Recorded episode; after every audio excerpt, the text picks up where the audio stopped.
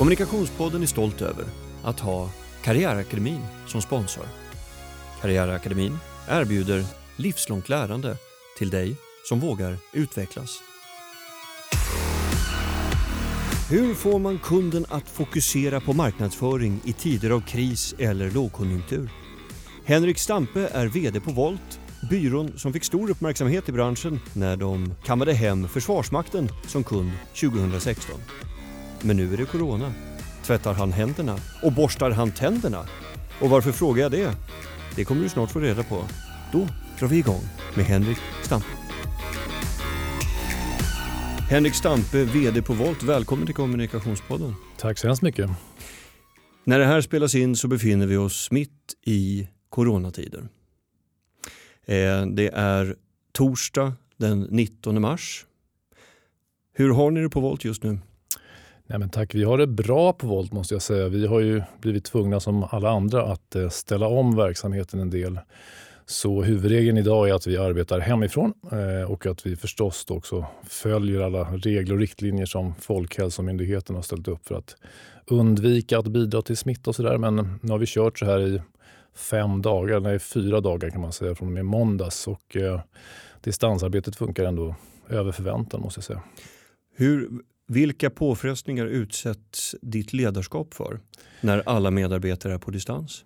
Ja, men dels så är det ju en fråga om att hålla ihop hela gruppen. Vi är ändå 45 personer som alla förstås reagerar individuellt på den här krisen som händer. Så att jag måste försöka vara tydlig eh, och tillgänglig men också kännas trygg tror jag är viktigt för många.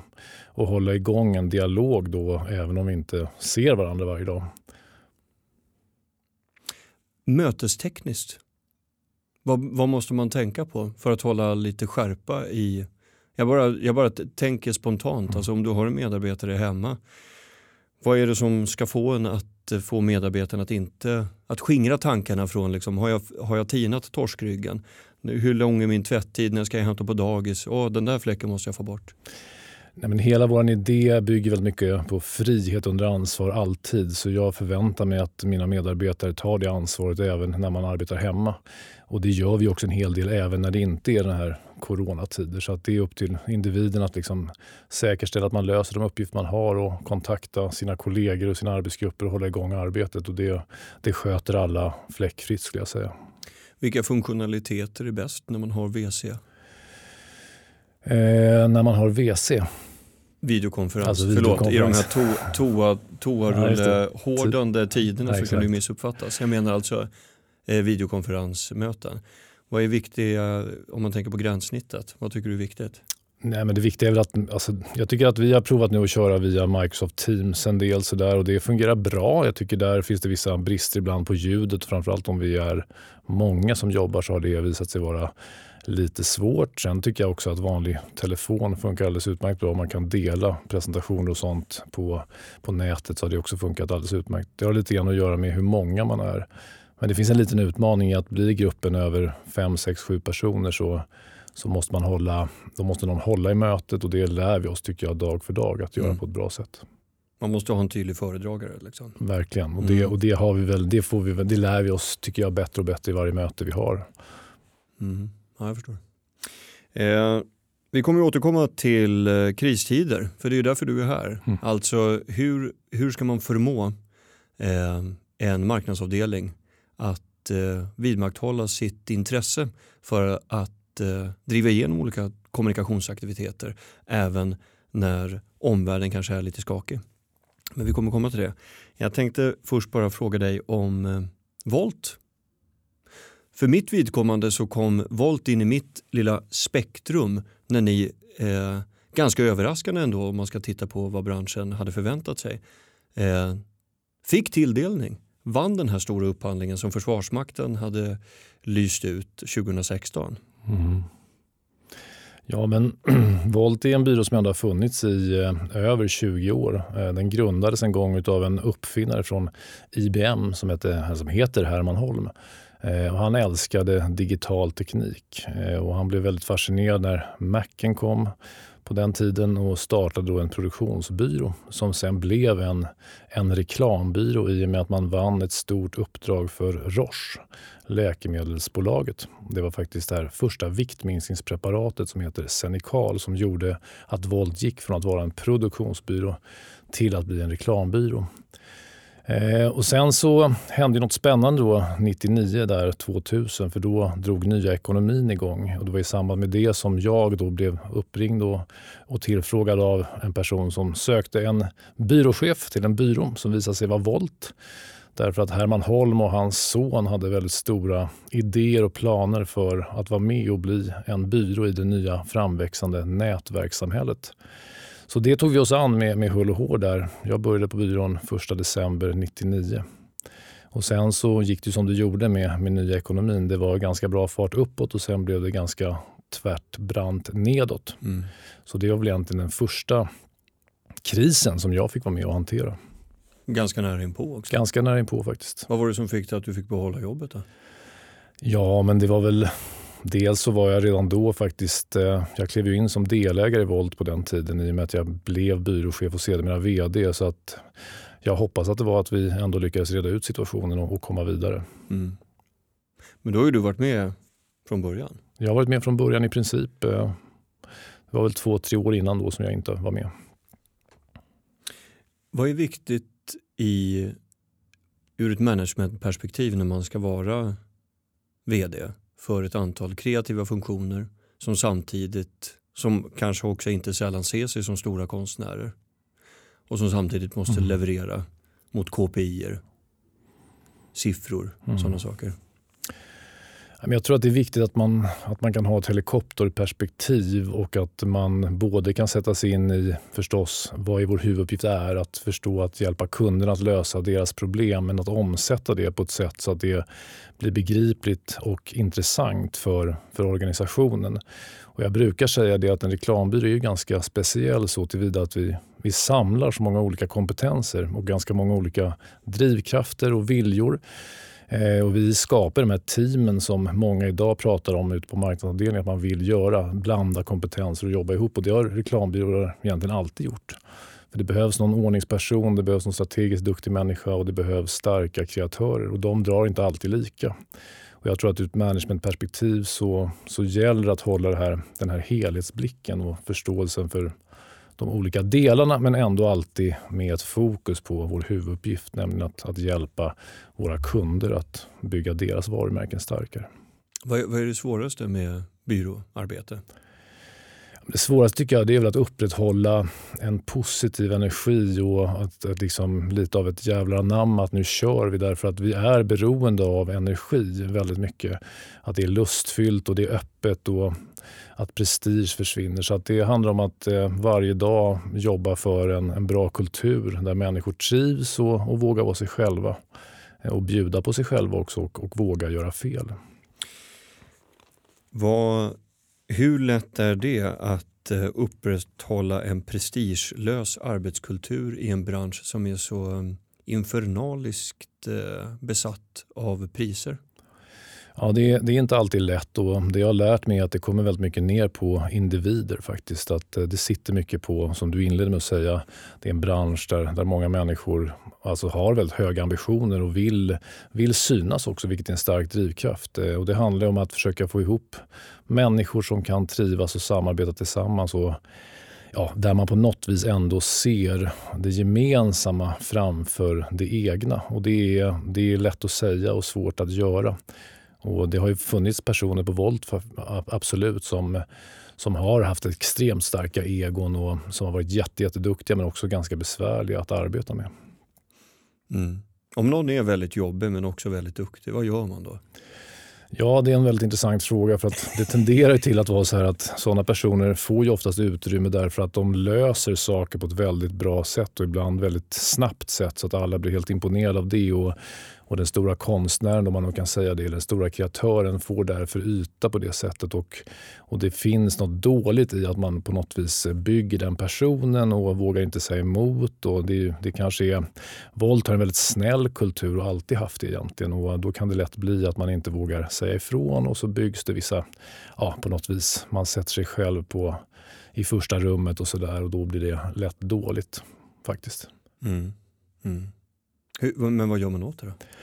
Yes, man, måste kunna, man måste våga ta de där samtalen, att uh, ge feedback helt enkelt. Och det, det har inte varit min starkaste sida genom alla år men jag tycker att vi som organisation och jag själv har också blivit bättre på det genom åren. Men det handlar om att prata med människor och förklara inte att beteendet är felaktigt utan vad beteendet gör med omgivningen. Och framförallt kanske prata utifrån hur jag upplever som medarbetare och kollega mm. att den här personens agerande, vad det gör så att säga. Eh, så det är, väl, det är väl ett svar på det hela. Men vad är det du har varit dålig på då, med feedbacken?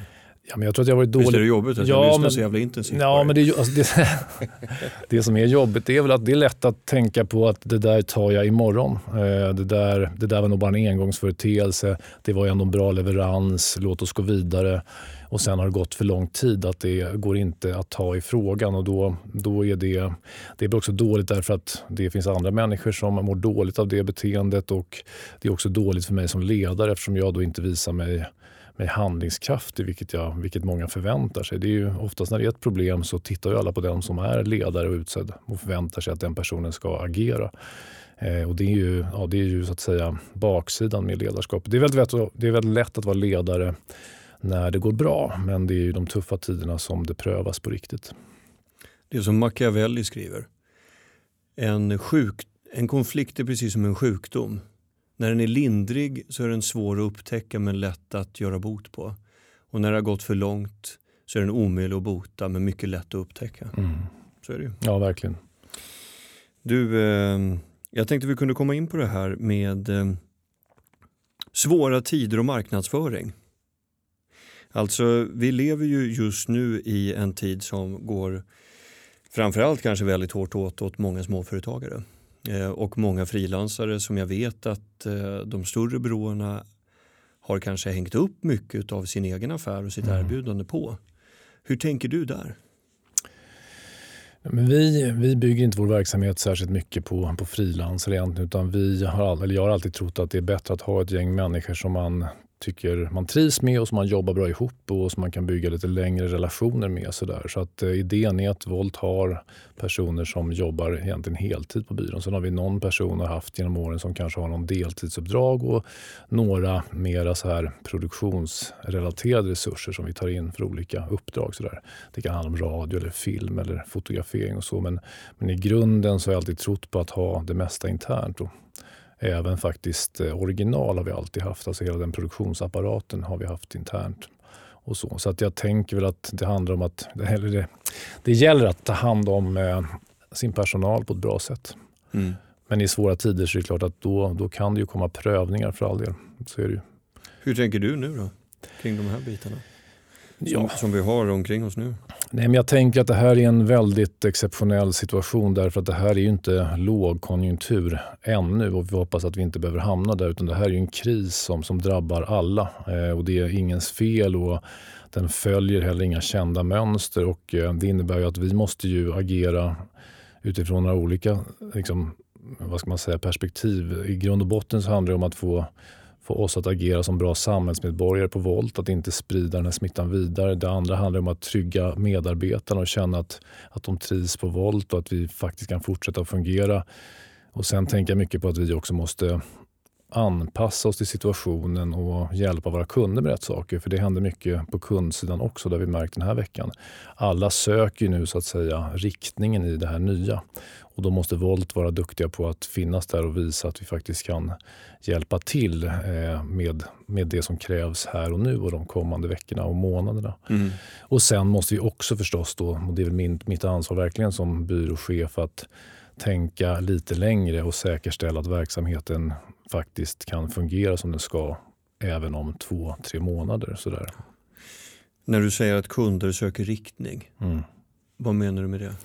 Nej, men jag tänker att det, vi har exempel på kunder där vars kommunikation eh, kanske inte är optimal i de rådande tider där människor liksom uppmanas att inte träffas så mycket. Då måste vi gå in och ändra på det och man kanske vill kliva av vissa kampanjer. Man behöver ändra inriktning på budskap. Man kan gå ifrån ja, helt enkelt se över kommunikationen så att man jobbar med rätt budskap till rätt målgrupp vid rätt tillfälle. Det är ju som kommunikation alltid handlar om men eftersom vi satte upp planerna innan det här hände så måste vi hjälpa till och, och rätta till det som behöver ändras på för att vara ändamålsenligt nu helt enkelt.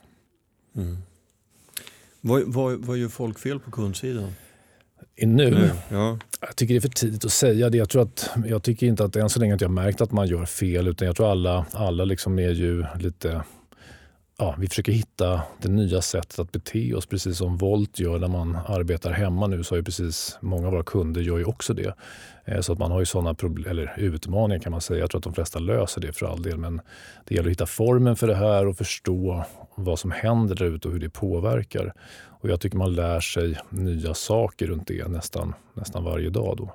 Och det är lite för kort än så länge. Det har väl hållit på i en och en halv vecka eller så.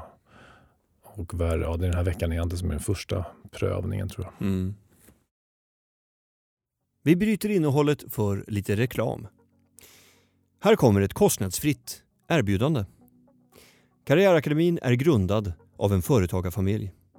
Företagare vet någonting om vad det innebär att möta tuffa tider. Och det är säkert många där ute som upplever att tiderna just nu är svåra. Därför vill Karriärakademin erbjuda gratis online-rådgivning för frilansare och småföretagare. Kostnadsfri rådgivning alltså, i ett personligt möte online. Hela april ut 2020 med dina frågor i fokus. Gå in på karriärakademin.se och läs vidare där.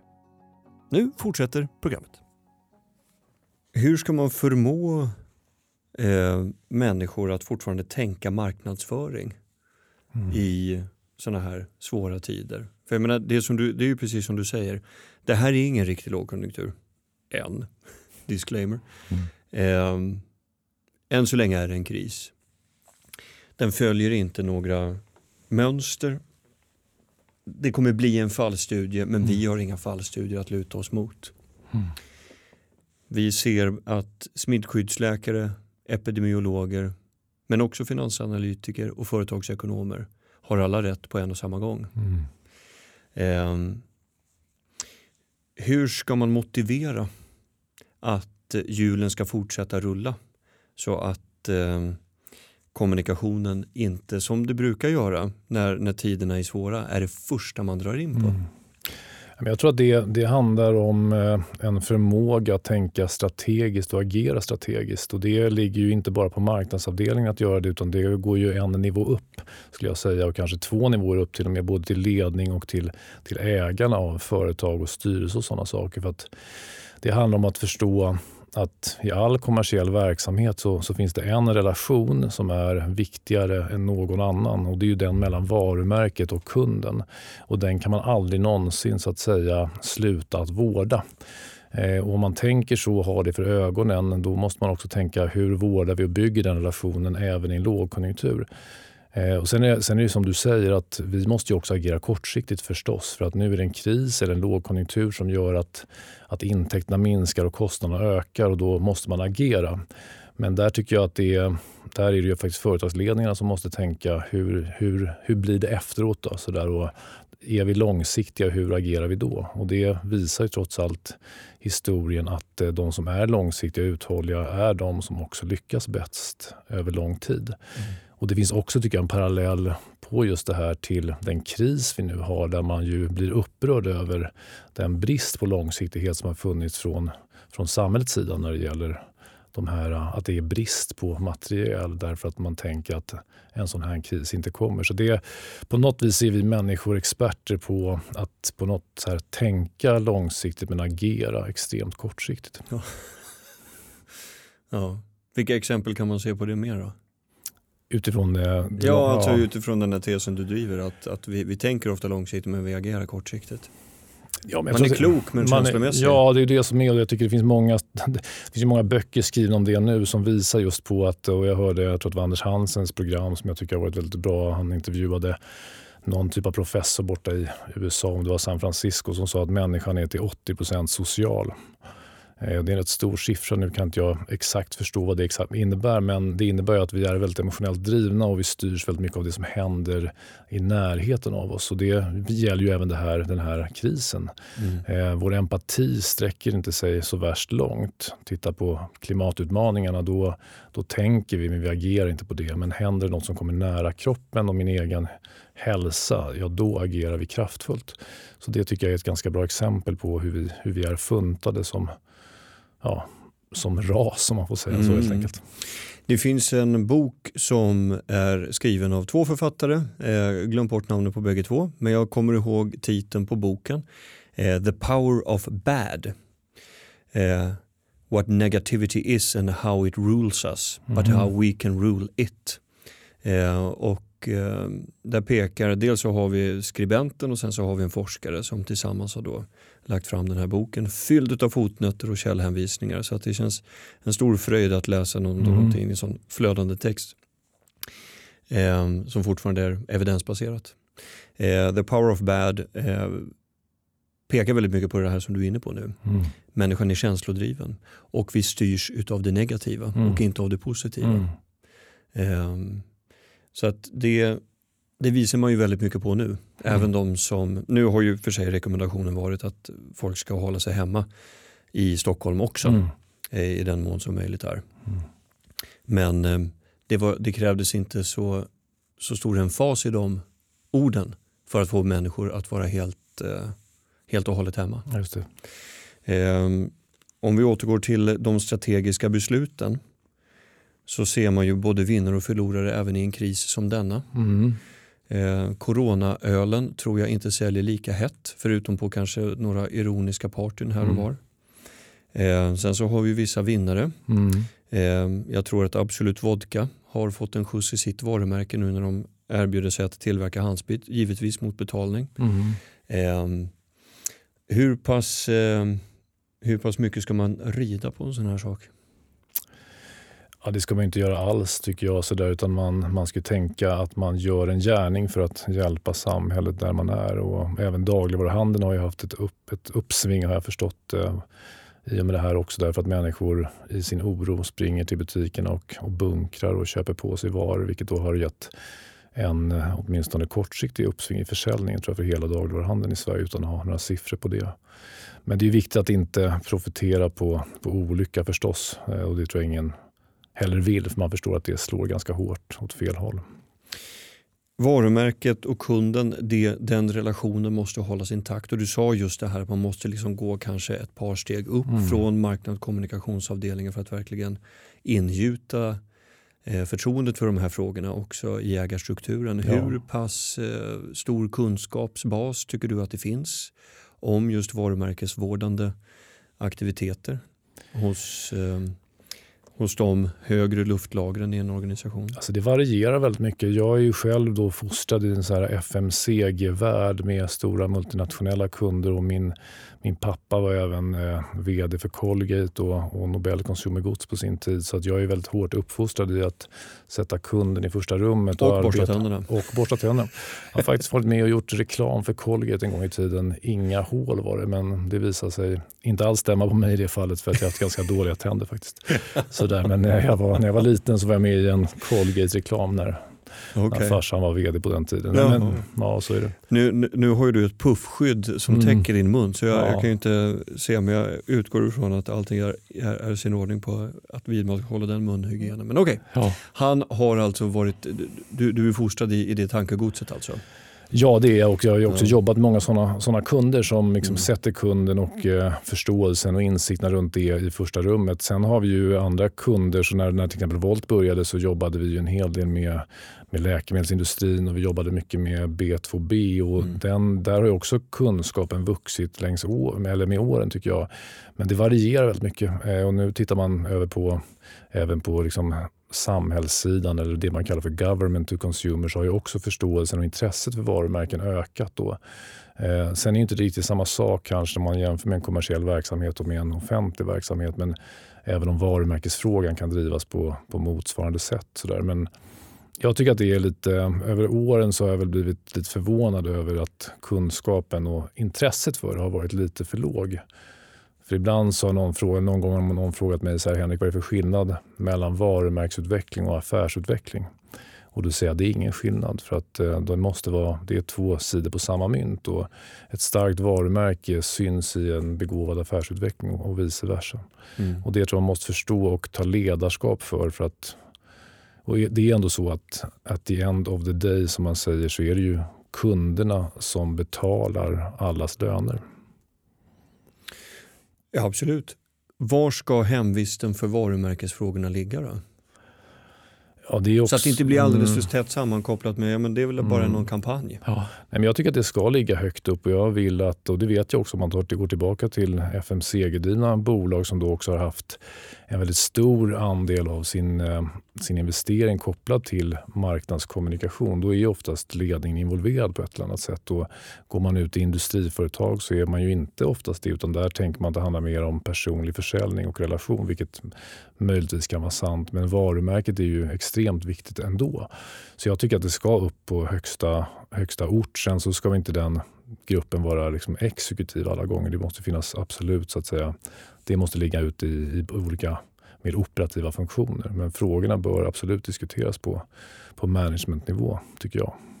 Vad kan du göra på byråsidan för att... Jag bara ser framför mig ett scenario, jag kan mycket väl ha fel, då får du rätta mig. Men det är svårt att på, på konsultbasis eh, driva den förändringsresan som kanske i sådana fall skulle krävas. Mm. Att säga åt att, eh, marknadschefen att bara, ska du inte bjuda in någon annan till det här mötet också? Ja, nej.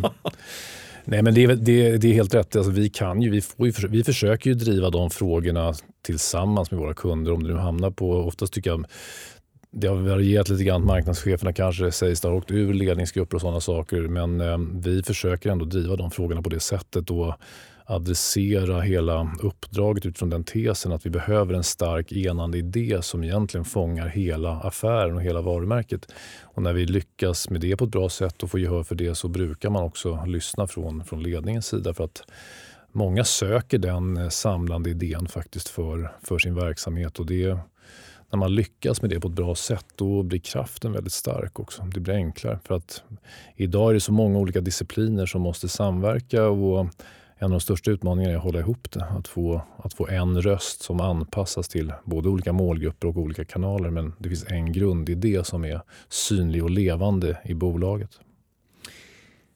Av de byråföreträdare som eh, lyssnar nu, som tycker att eh, just att driva varumärkesfrågan kan vara aktuellt. Mm. Eh, i termer av approchering gentemot de kunder som gör en helt och hållet lockdown och försöker förstå olika typer av webbinarlösningar för tillfället. Mm. Hur ska man få dem att lyssna? På kundsidan tänker du så? Här, mm. mm. Nej, men jag tror att man till att börja med så måste man låta krisen ha sin tid och sin gång och sen så tror jag när man vaknar till liv efter det eller inser att det är så här det fungerar, då får man ju börja diskutera den frågan igen. Men vi, vi har ju redan kunder faktiskt som eh, den här veckan har hört av sig och börjat liksom fråga oss hur ska vi tänka här? Vad har vi för olika, vad kan vi se för olika scenarier framför oss? Och det, det måste vi ju direkt börja jobba med. Så där. Men, och det tror jag också att eh, de mera kompetenta så alltså, att säga, marknadsavdelningar och kommunikationschefer och sådana saker, de kommer lyfta de frågorna ganska snabbt. Och eh, vi får väl hoppas att det här är ett, ett kort hack i kurvan men är det inte det så måste vi hitta andra sätt att bete oss och fortsätta jobba med, med marknadsföringen och kommunikationen.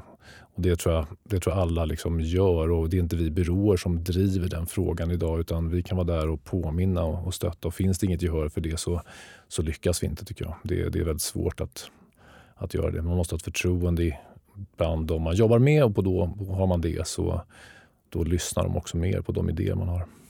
Vad är det viktigaste varumärkesarbetet för, som en byrå?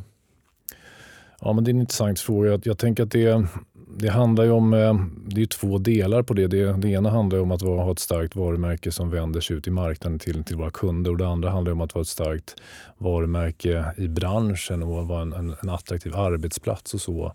Och där kan man väl säga att jag under åren, jag har från början inte varit lika intresserad av att, att vinna kreativa priser och sådär utan fokuserat väldigt mycket på att lösa uppgifterna för våra kunder och göra ett bra resultat. Och sen när vi vann vårt första guldägg för hemglass för ett antal år sedan och såg vilken effekt det fick för byrån i i allmänhet så där, och framförallt i, i branschen så, så, och den glädje det också gav till oss som byrå så har jag mer och mer insett best, ja, vikten och behovet av det. Och det så det är väldigt viktigt att man har en, eh, framförallt i vår bransch som är, där kreativitet verkligen är en kärnkompetens, så måste man helt enkelt eh, jobba aktivt med det hela tiden. Och då tror jag att det både speglar av sig mot kunderna och mot, eh, mot branschen som sådan, eller de potentiella medarbetarna man har.